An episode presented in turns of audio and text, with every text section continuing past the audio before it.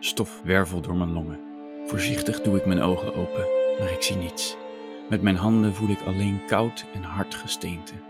Dan valt mijn oog op een schittering, een dunne, lichtgrijze ader die door het gesteente loopt.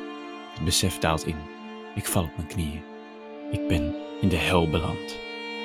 Eileen Anders schreef een verhaal over vrede uitbuiting, angst voor de dood en het opkomen voor je idealen.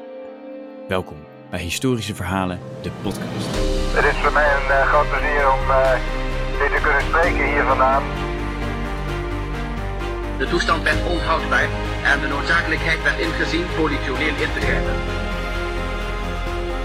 Ik verzoek u te geloven dat het niet anders kon. Hoe donker en moeilijk de tijden ook zijn, te blijven vertrouwen. Historische verhalen. Liefde voor geschiedenis.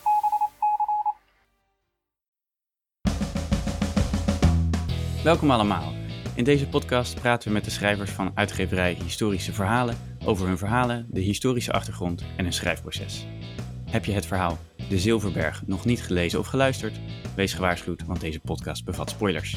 Ik ben Kai Tengeler en bij mij zit mijn co-host en de man die zijn schrijvers het liefst als wormen in de kolenmijn gooit en ze er pas uitlaat als ze een verhaal van waarde hebben gevonden, Rick van der Vrucht.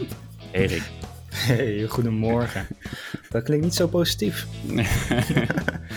nee, ja, er moet wel zilver gevonden worden natuurlijk, anders dan uh, kom je niet meer naar boven. Nee, klopt. Minder dan zilver uh, doen we het niet. Over zilver gesproken, ik zat onze uh, statistiekjes van de podcast eens te bekijken. En ik vind dat we wel een zilveren medaille hebben verdiend. Want nou? alle afleveringen, alles bij elkaar, is inmiddels meer dan 25.000 keer gestreamd en gedownload. 25.000 keer? Ja, ja, ja, ik had het uh, eerlijk gezegd niet verwacht toen we hiermee waren begonnen. Nee, zeker niet. Echt zeker uh, heel tof. Inderdaad. En dat geldt dus ook voor elke aflevering. Ik denk, ik schat dat het publiek nu ongeveer nou ja, tussen de 300 en 400 uh, ligt van elke aflevering. Ook zeg maar de meest recente afleveringen zijn ergens tussen de 300 en 400 keer geluisterd. Dat is niet niks. Nee, dus ja, ik, ben, uh, ik kan er alleen maar heel blij mee zijn. Fijn dat mensen naar ons gebabbel willen luisteren. En natuurlijk vooral niet naar ons gebabbel, maar naar dat van de gasten. Inderdaad. En we hebben een leuk gast vandaag. Precies, want bij ons zit Eileen Anders.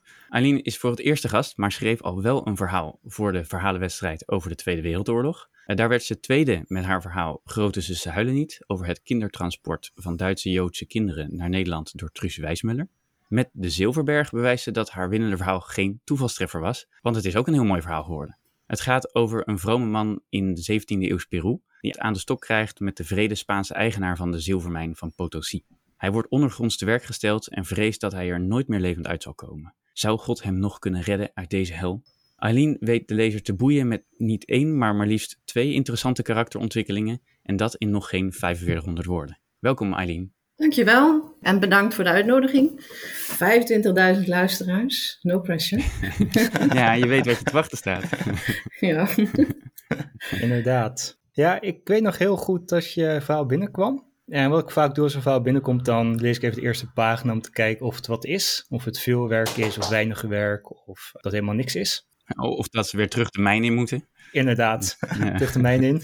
Maar bij, bij jouw verhaal bleef ik, maar, bleef ik maar doorlezen. Op een gegeven moment moest, moest ik weg. Zeg maar halverwege het verhaal moest ik echt weg. Ik kon, niet, ik kon niet langer blijven. En ik heb die avond nog wel vaak teruggedacht aan, aan het verhaal, hoe het verder zou gaan. En ik denk dat dat te maken heeft met dat ik me heel moeilijk een verhaal kon voorstellen die zich afspeelde in een mijn. Van wat, wat gebeurt daar allemaal? Ik had geen idee. En in dit verhaal komt dat zo mooi, wordt dat omschreven stap voor stap. Je valt van de ene verbazing in de ander. En dat is echt heel kunstig gedaan. Dankjewel, dat vind ik een super mooi compliment. Ik denk dat wat het voor mij redelijk makkelijk maakte om de situatie onder in die mijn te beschrijven, is het feit dat ik er zelf binnen geweest ben. Ik ben een aantal jaar geleden in Potosi met een, een aantal anderen ben ik in die mijn naar binnen gegaan. En dat is, als je geschiedenis levend wil zien, het is ongelooflijk. Je gaat daar naar binnen en je waant je 200 jaar geleden. Wow. Er is vrijwel niets veranderd. Die, die mijngangen die zijn uh, met de hand uitgehakt. Ze zijn, het is nu intussen een uh, coöperatie van uh, voormalige mijnwerkers die, dus die in staatsdienst waren. Die hebben de mijn overgenomen. Die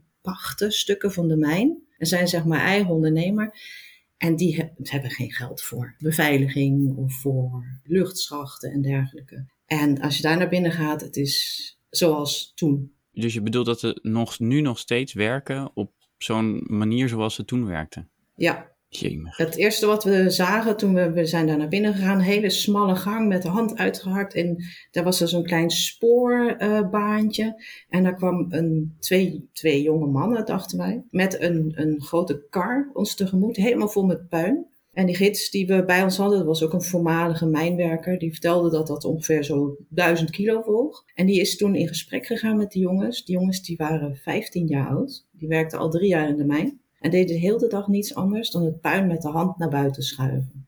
En als je dan verder de mijn ingaat, dat gaat dan via kruipgaten. En je moet soms echt op je knieën, soms zelfs op je buik ergens onderdoor robben. Daar zijn allemaal mensen die dan met de hand, met pikhouwelen nog aan het werk zijn. Ze hebben intussen wel dynamiet, waar ze dan delen mee opblazen. Maar dat is dan op zich weer heel gevaarlijk, want ze hebben geen beveiligingssysteem. Ja, dat is een situatie die kun je je zo niet voorstellen als je er niet binnen geweest bent. Ik kan me ook niet voorstellen dat je daar voor je plezier een bezoekje gaat brengen. Hoe ben jij daar terechtgekomen? Ja, we waren in, in Potosí. Dat is een hele mooie koloniale stad. Dat verwacht je niet. We waren eh, in Bolivia onderweg. En eh, je, je bent dan op de Altiplano, op 4000 meter hoogte. En daar hebben we die stad bezocht. Het is in het midden van het niets. Rijst daar ineens zo'n koloniale stad voor je op. Daar herken je nog dat hij vroeger heel rijk is geweest. Met fantastisch mooie kerkgebouwen en dergelijke. En, en kathedralen en kloosters. En daarachter dan de berg, de rijke berg. De Cerro Rico. De Cerro Rico. En ehm, daar werd dat ook een beetje zo aangeprezen in de stad, dat je dat kon doen. En we hadden in het begin inderdaad nog zoiets van, nou, is dat wel ethisch en zo. Maar die mensen die vertelden ook dat ze daar voor een deel ook van leven. Dat dat voor hun een hele bela- belangrijke extra inkomst is. Je gaat van tevoren ga je naar een mijnwinkeltje en daar koop je dan cadeautjes voor de mijnwerkers als je naar binnen gaat. Dat zijn dan dingen als staven dynamiet en eh, nitraatblokken en alcohol en, en coca-bladeren. De dingen die ze nodig hebben. Ze, ze hebben dus een toeristische attractie gemaakt van een mijn waarin vervolgens gewerkt wordt op een manier die eigenlijk al 200 jaar geleden een slecht idee was. Um, ja, het, het punt is. dat klinkt heel ethisch heel incorrect allemaal. Maar dat het die, die um, bedenkingen hadden wij inderdaad ook. Maar ze zeiden ook, ja, we zijn ook echt op dat, op dat geld aangewezen. Het is intussen, die, die mijn is bijna, of die, die berg is bijna leeg. Er is nog wat tin wat ze nu uh, eruit halen. Ja, de inkomsten zijn niet meer zoals toen de tijd voor de Spanjaarden. Op het moment dat die, die mijn net ontdekt was, die zilvervoorkomend daar net ontdekt waren, lag het zilver praktisch voor het oprapen. Het zat echt vlak onder de, onder de oppervlakte. En ze hoefden feitelijk alleen maar een beetje over de bodem te krabben om het te zien. Figuurlijk.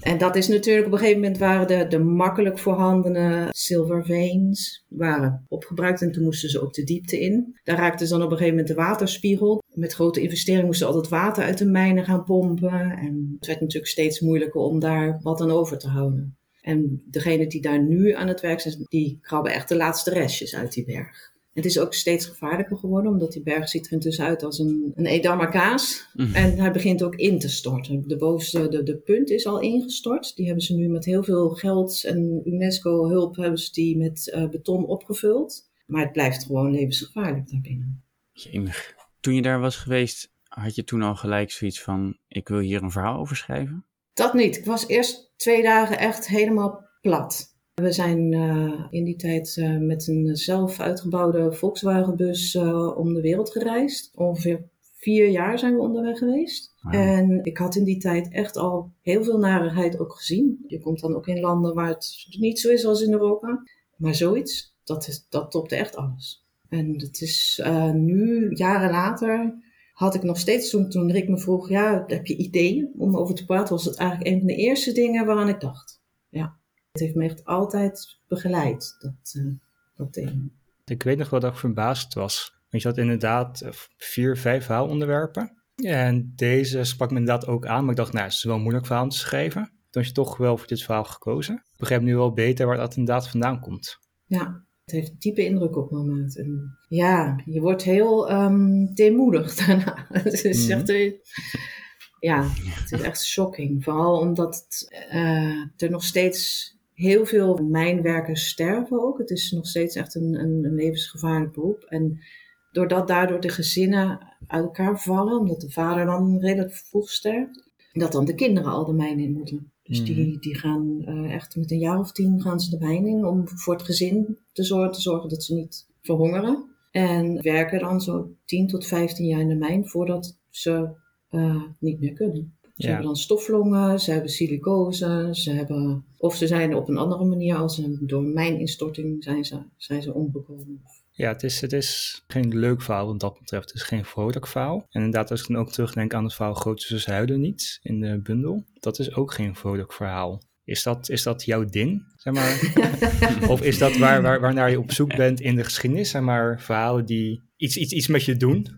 Als, ik even mag helpen. Ik- vind wel dat er in allebei de verhalen ook een hele hoop hoop en goede wil zit. Er zit ook een hele hoop ellende in, maar ook wel ja, nee, volledig eens, volledig eens. Maar de contexten zijn niet zo gezellig. Nee, nee, dat klopt. Ik denk dat het allebei thema's zijn die mij aangrijpen. En ik heb dan de behoefte, in dit geval had ik de behoefte niet alleen om ook die, die genocide aan de, aan de Inca's. Dat was echt een genocide, dat kun je niet anders noemen. Was, er zijn 8 miljoen mensen omgekomen tijdens de Spaanse overheersing in die mijn. Daar wilde ik een beetje de aandacht op vestigen. Maar hier ging het me ook een beetje erom te sensibiliseren dat dat soort toestanden nog steeds voorkomen op de wereld. Er zijn nog echte slaven. In, in Afrika is, eh, komt het voor. En er zijn ook een hele hoop mensen die zijn niet officieel slaaf. Maar door de omstandigheden hebben ze geen enkele andere keus dan daar hun kinderen die mijn in te sturen of zelf die mijn in te gaan. Ze weten allemaal precies dat ze het maar tien jaar volhouden. Dat ze het maar vijftien jaar volhouden. Ze weten precies wat een ellende daaronder is. En toch doen ze het, omdat ze geen andere keus hebben. En daar wil ik ook een beetje zo de aandacht op vestigen. Keyword fairtrade. Mensen daar ook zelf wat Hmm. kunnen veranderen. En in het geval van Grote Zussen Huilen niet wilde ik Truus Wijsmuller een beetje in het zonnetje zetten. Mhm. Want die vrouw is echt heel Mhm. bijzonder en ze heeft heel weinig aandacht gekregen in de geschiedenis. Is dat dan een motivatie van jou, als schrijver zijnde? Denk ik wel, ja. Denk ik wel. Ik heb wel de behoefte om aandacht op bepaalde thema's te vestigen die, ehm, ja, die mij aangrijpen. Je kaart deze dingen nu aan in een eh, historisch verhaal. Ja. Hoe ben je bij de historie terechtgekomen? Ik heb altijd al veel interesse gehad in überhaupt historische romans en zo. Ik, ik lees graag historische romans, dus die onderwerpen interesseren me ook. En ik vind het ook vaak, als je iets wil begrijpen over een, een land of over een cultuur, dan is het vaak heel goed om in de historie te duiken en te, te zien waardoor mensen of waardoor culturen zijn zoals ze zijn. Dus vaak dan in het verleden die zijn er dingen gebeurd. Bijvoorbeeld zoals hier in Bolivia zijn er bepaalde effecten die nog doorwerken uit die tijd. Bijvoorbeeld dat Bolivia de op, op twee na grootste cocaïneproducent is ter wereld. Dat is in die tijd ontstaan dat eh, de Spanjaarden gemerkt hadden, oh met coca-bladeren kunnen we de mensen in de mijn veel langer laten werken. We hoeven ze ook minder eten te geven, want ze, ze kunnen het ook op coca-bladeren. En hebben toen ook echt dat gebruik en die productie daarvan aangemoedigd. Dat werkt tot vandaag door. Want dat was daarvoor nog minder. Dat was misschien alleen voor de ceremonies of zo. Dat was heel weinig, alleen voor de Inca-elite. Ja. En die gebruikten het ook met mate. Dus dat was helemaal niet zo wijdverbreid. Zelfs eh, nu nog, als je die, eh, die minero's, die lopen allemaal met zo'n dikke wang eh, vol coca-bladeren hoor. Want anders dan houden ze hun tien uur diensten niet vol. Ook een, een effect dat Bolivia straatarm is. Ja, ze zijn gewoon uitgeplunderd. Alle ressources zijn min of meer eh, naar Spanje verdwenen. Die hebben daarvan dan hun oorlogen tegen Nederland en Engeland betaald in de tijd. De zilvervloot van Piet Hein. Dat kwam was uit Potosi, inderdaad. Daar zijn heel wat Inca's voor gestorven, voor die scheepsladingen. Dat maakt het dan ook interessant om dan die samenhangen te zien. Tussen ja, wat er dan in één stad in, in, of in één berg aan de andere kant van de wereld is gebeurd, dat dat nog uitwerking heeft gehad eigenlijk wereldwijd en nog eeuwenlang. Dat fascineert me. Ja, het is ook wel heel mooi hoe zo'n verhaal van zo'n berg en zo'n stad inderdaad zo doorwerkt in een grotere geschiedenis en ook in onze geschiedenis. Hoewel eigenlijk iedereen dat liedje over Piet Hein kent. maar, ja, maar er ehm, zou inderdaad niemand zijn die denkt, goh, waar komt dat zilver eigenlijk vandaan? Nee, dat neem je zo inderdaad Ja, gewoon dat is er gewoon, ja. koop toe. Ja, precies. Ja, dus niet. Dat is heel wat aan vooraf gegaan. Eileen, ik heb je geïntroduceerd als eh Eileen Anders. Ja. Zo heb je ook geschreven voor de Tweede Wereldoorlog bundel. Maar het is een pseudoniem. Ja. Eh, je gaf aan dat je best wilde vertellen over je echte naam en, en de keuze om voor een pseudoniem te gaan. Kun je dat toelichten? Ja, ik heet Dorrit Verhoef. Dat is een... Ik schrijf voor mijn plezier, maar je hoopt natuurlijk op een gegeven moment wel, eh, als je een... Ik ben bezig ook met een romanmanuscript. je hoopt natuurlijk wel op een gegeven moment uitgegeven te worden. En toen had ik bedacht dat Verhoef misschien al vergeven was. En heb toen bedacht dat misschien een alternatief, een pseudoniem, beter zou zijn. Dus beter zou werken. Ja, en dan laat je zo wat namen door je hoofd gaan. Maar als het dan om jezelf gaat, voelt alles vreemd. Behalve je eigen naam. En toen Ja. ben ik dus gaan filosoferen over wat een pseudoniem zoal is. Ja, dat je niet zo heet, maar anders. Ja, zo ben ik min of meer op de naam gekomen. En eh, de voornaam, dacht, dat vond ik gewoon een mooie voornaam. Leuk. Daar had ik mee kunnen leven. Was het voor de schrijfwedstrijd de eerste keer dat je die naam hebt gebruikt? Eh, nee, dat was de eerste keer. En ben je er nog blij mee of heb je twijfels? Ehm, nee, ik, eh, hij bevalt me wel, moet ik zeggen. Ik blijf erbij. Ja, hij zit nu al vast natuurlijk. Ja, nu moet ik. Ik, ik vind het op zich wel leuk wat je zegt over dat de naam vergeven is. Ik heb dat zelf natuurlijk ook eh, ten dele met Simone van der Vlucht. Maar ik heb ook wel eens bedacht dat het juist handig is voor de marketing. Dat ik gewoon op de voorkant zeg van der Vlucht, historische roman. en dan kunnen mensen hem gaan kopen en zeggen, god, is dit eigenlijk een goed boek? Oh, dat is helemaal niet van Simone. Ja. Nee, Ja, ik weet niet of Ja. Simone dan boos achter me aankomt, maar precies. ja, ik geloof dat je in de filmwereld, in de, in de Hollywoodwereld, mag je niet dezelfde naam hebben. Dat is goed om te weten als er ooit nog een Hollywood-film Ja. over mijn boek wordt gemaakt. Precies. Als je een naam maakt als eh, acteur, je wil eh, daar in zo'n eh, film spelen en je hebt toevallig een naam die iemand anders al heeft, dan moet je een andere Hmm, naam eh, verzinnen. Nou, dat heb ik dan maar vast gedaan. ja, precies. Maar je zei net dat je bezig bent met een manuscript voor een roman. Kan, kan je dat toelichten? Ja, een korte versie van dat verhaal kennen jullie al. Ik heb dat toen ook ingestuurd voor die eh, bundel over de Tweede Wereldoorlog. Daar gaat het om twee families. Hmm. Een ondernemer in eh, Rotterdam, die heeft een heleboel ehm, onroerend goed in Keulen. En dat wordt in begin dertiger jaren wordt dat door de Duitse regering vastgezet. Dat mag niet meer naar het buitenland. Het loopt niet zo goed met zijn autohandel in Rotterdam. Hij is op dat geld aangewezen en de oplossing die hij dan verzint is... Hij vertrekt naar Keulen en op dat moment is het voor veel Joodse ondernemers, wordt het steeds moeilijker natuurlijk, begin dertiger jaren wordt het heel moeilijk in Duitsland. En hij vindt iemand die bereid is met hem te ruilen.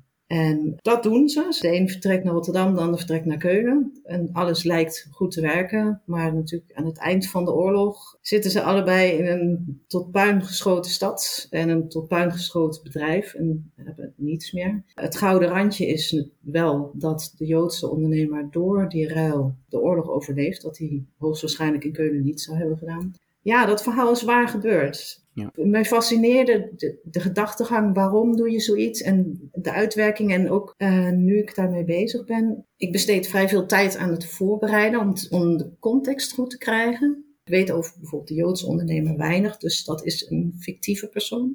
En daar is het dan voor mij belangrijk dat de context klopt. Dat, eh, dat de dingen op de juiste, in de juiste volgorde gebeuren. Dus dat ehm, je moet dan kijken welke wetten werden wanneer uitgevaardigd en zo. De Nuremberger gesetzen en zo, die, die waren allemaal, wanneer zijn die uitgevaardigd? En wat had dat voor effect op de mensen? En ook wat dachten de mensen over de situatie in, in welke tijd en zo. Dat kost vrij veel tijd, want eh, er is in de dertiger jaren ontzettend veel gebeurd. Dat was een hele revolutionaire tijd. Dat is alleen, ja, door alles wat er daarna kwam in de veertiger jaren natuurlijk helemaal uit beeld verdwenen daar. Ja, ik kan me het korte verhaal ook herinneren dat het inderdaad, dat we toen al het gevoel hadden van, dit is heel interessant, maar er zit zoveel in, dit is te veel voor een Ja, kort verhaal. Exact. Ja, het was echt proppen. en ehm, ja, en ik kon er ook niks van weglaten, want het was gewoon te complex om te zeggen, nou goed, dan laten we dat weg, eh, want dan zou het gewoon niet meer geklopt hebben. Ja, ik had eigenlijk nooit gedacht eh, over de Tweede Wereldoorlog te schrijven of over die tijd te schrijven, en nu ben ik het toch aan het doen.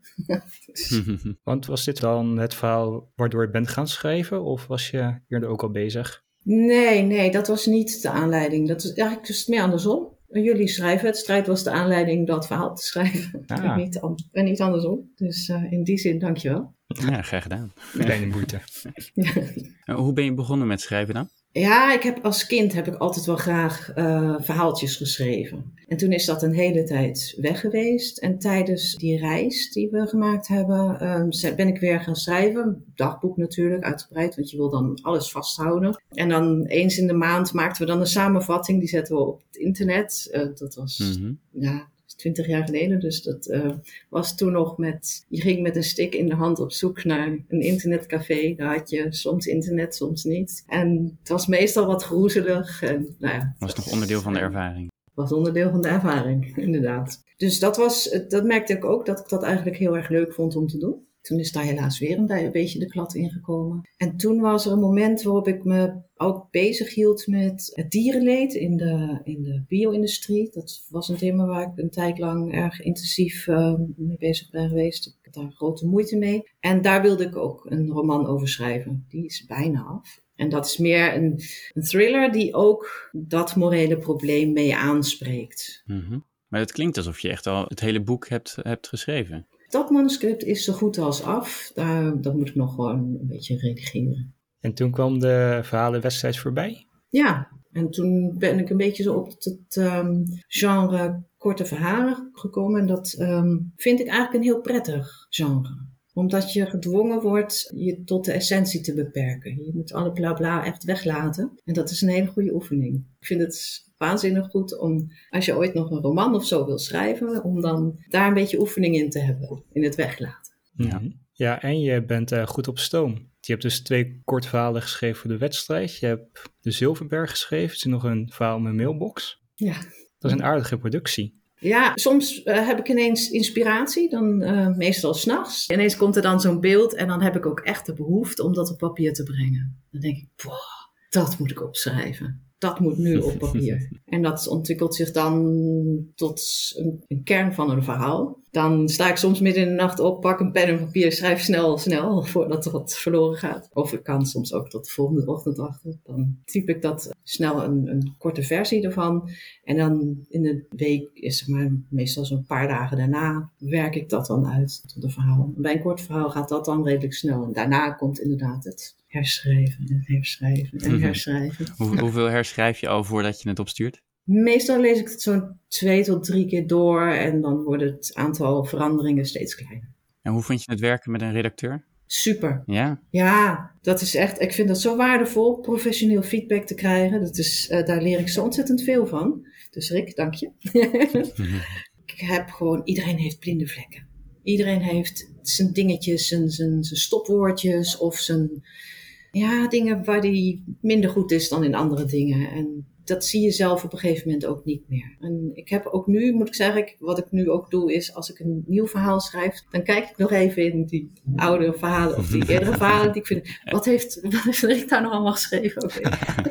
ja, nee, daar moet ik nog op letten. Even hier kijken nog. Ja. dus, ja, heb je al bepaalde dingen dat je denkt, oh, daar moet ik, die, die zijn nu al een paar keer naar voren gekomen? Ja, er zijn, uh, in het begin had ik wat moeite met het beschrijven van emoties. Ik bleef redelijk op afstand, denk ik. Zo, dat was ook de, de feedback die ik gekregen heb. En intussen heb ik inderdaad vaak dat ik tijdens het schrijven al denk: oh, alsof, alsof Rick over mijn schouder meekijkt. oh, wacht even, hier moet ik nog. Uh...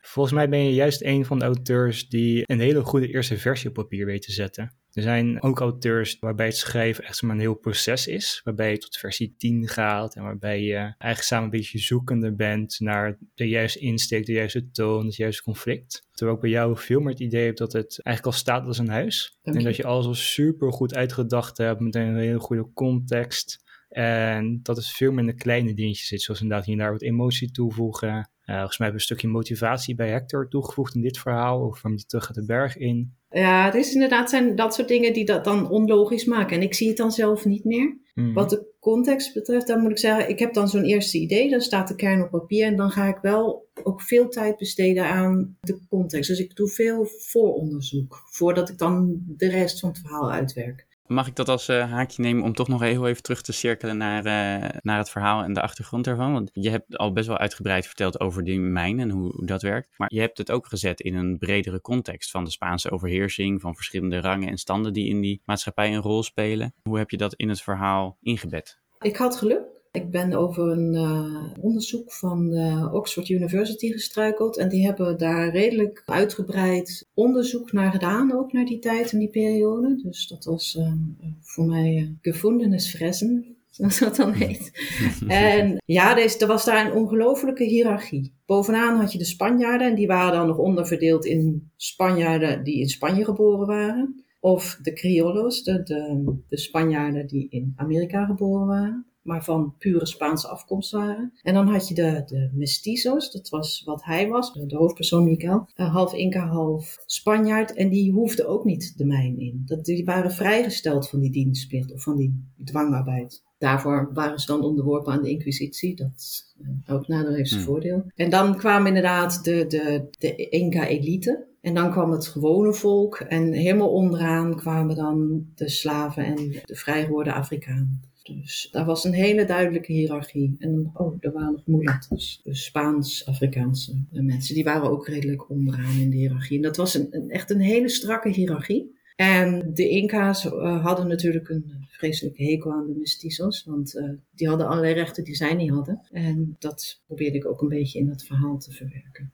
In hoeverre is dit verhaal gebaseerd op daadwerkelijke personen? Heeft Hector Garcia Rodriguez bestaan? Nee, omdat ik altijd wil proberen dat het allemaal klopt, ja, de historische context dat die correct is, vind ik het heel moeilijk om bestaande historische personen als personage te nemen. Want je weet nooit zeker, zouden ze dat zo gezegd hebben? Uh, is dat de, de woordkeus? Of uh, zouden ze überhaupt zo'n uitspraak hebben gedaan? Daar waar ik me eigenlijk, heb ik me nog niet aan gewaagd. Wil ik denk ik ook niet. Dus wat ik meestal doe is fictieve personen in een bestaande of in een zo realistisch mogelijke context plaatsen. Dus wat zij wel doen is hun, hun sociale groep vertegenwoordigen. Dus ik heb wel gekeken, oké, die mijn-eigenaren, hoe waren die en, en, hoe zouden die zich gedragen hebben? En daar is Hector naar gevormd. Dus er waren daadwerkelijk mijn-eigenaren die zo vreed uh, ja, uh, om zich ja. heen sloegen en... Uh... Ja, er zijn, er zijn schilderijen en tekeningen die uh, laten niets aan de verbeelding over.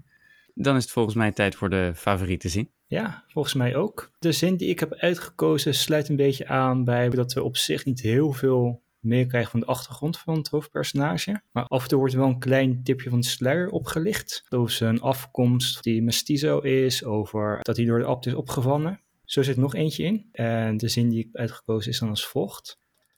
Zelfs het gevoel van Marta's lip op de zijne begon te vervagen. Het wordt verder niet helemaal duidelijk wie Marta is of wat Marta voor hem betekent. Maar het is wel meteen helder dat hij een Marta in zijn leven heeft en dat hij om haar geeft. Door één zo'n zinnetje ontstaat eigenlijk meteen een heel achtergrondverhaal. En dat maakt het personage veel levendiger, ook wat sympathieker. En door dat soort kleine dingen te verwerken, wordt zo'n verhaal veel voller, veel mooier. Dankjewel. Wat heb jij uitgekozen, Kai? Ik heb er nog een paar voor mijn neus staan die ik, uh, ik moet nog kiezen. Laat ik een, uh, een uh, honorable mention doen voor Daar zul je voor moeten boeten, worm. Omdat dat gewoon, dat het gewoon zo'n lekkere zin is. Ik heb het verhaal al ingelezen. Heerlijk om, om me in te leven in Hector en helemaal los te gaan. Ja, dat ging erg goed af. dat zegt niks over mij. Um, ja, en, dat vond ik sowieso, dit soort zinnetjes uh, zaten er veel in. Echt uh, cinematische one-liners. De, de, personages kregen echt een sterk karakter door dit soort uh, zinnen. Ik denk dat ik voor het omkeer in het verhaal ga. Want je hebt Hector en Hector is in het begin eigenlijk alleen maar boos en vreed en moeilijk. En op een gegeven moment begint toch het besef tot hem door te dringen dat hij wel eens vast zou kunnen zitten en niks meer heeft aan al zijn macht die hem buiten de mijn helpt. Zeker op het moment dat de hoofdpersoon weigert om hem nog te helpen en om nog uh, op zijn dreigement in te gaan. Dan zie je hem klein worden en dan begint hij een beetje te mompelen over dat hij daar helemaal niet had willen zijn in die mijn. Die duivel in Monningspij, de abt is dat trouwens, weigerde me mijn graan voor deze maand, tenzij ik jou zou uitleveren. Een decreet van de onderkoning had hij er zelfs voor gehaald. En alsof dat niet genoeg was, stond hij erop dat ik persoonlijk de bergen inging. Ik, Hector Garcia Rodriguez. Daar zal hij voor boeten, de hond. Zodra ik weer uit ben, zal ik, zal ik... Zijn adem stokte en ging over in een onverstaanbaar jammeren het moment dat die breekt. Ja, ja ze worden echt tot de essentie gereduceerd, zeg maar, in die, uh, in die ingestorte mijn. Ja, ja, ja. Mooi. Ja, en zo is ook het hele verhaal. Het hele verhaal is zo voorgelezen. dat is erg, erg genieten. Ik hoop dat je ervan kan genieten, dat je er een beetje in kan vinden. ja. Super, dankjewel. Ja, ik ben eh, heel blij. Ik hoop dat eh, inderdaad anderen er ook net zoveel plezier Mhm. aan zullen beleven. Je, je hebt al verteld, je hebt een eh, manuscript dat dan al heel ent is. Je hebt een ander manuscript bezig. Je hebt een verhaal in de mailbox van Rick eh, zitten.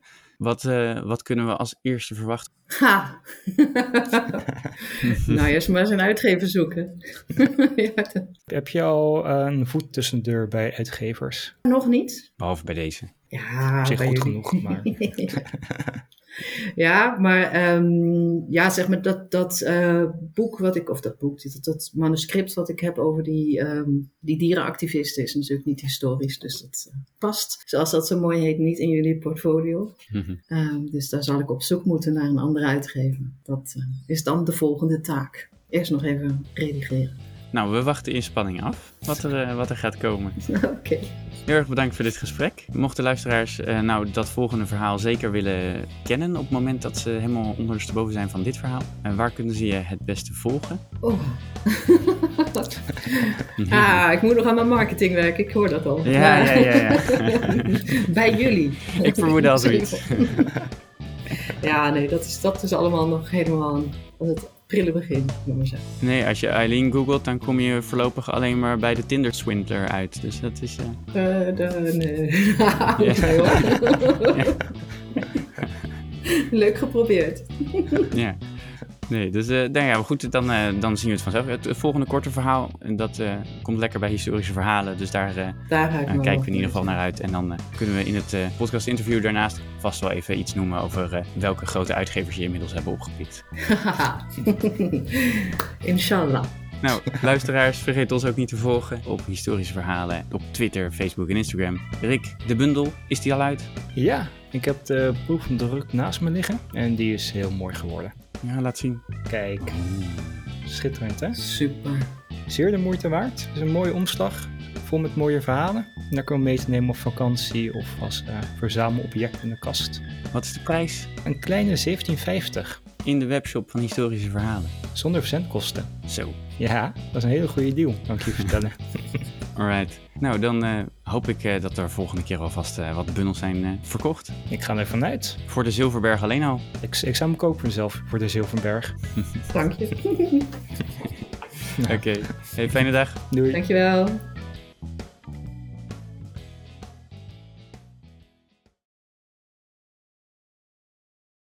Maar ja, dit is hem dus. En Keiswel staat er ook in, maar die heeft zoveel bundels eh, voorbij zien komen. Dat, eh, dat doet hem niks Ja. meer, denk ik. Niks meer. Daar heb, ik me- heb ik me niet eens gerealiseerd inderdaad. Ik dacht, oh ja, dat is waar. dat Oh is ja. waar. Ja.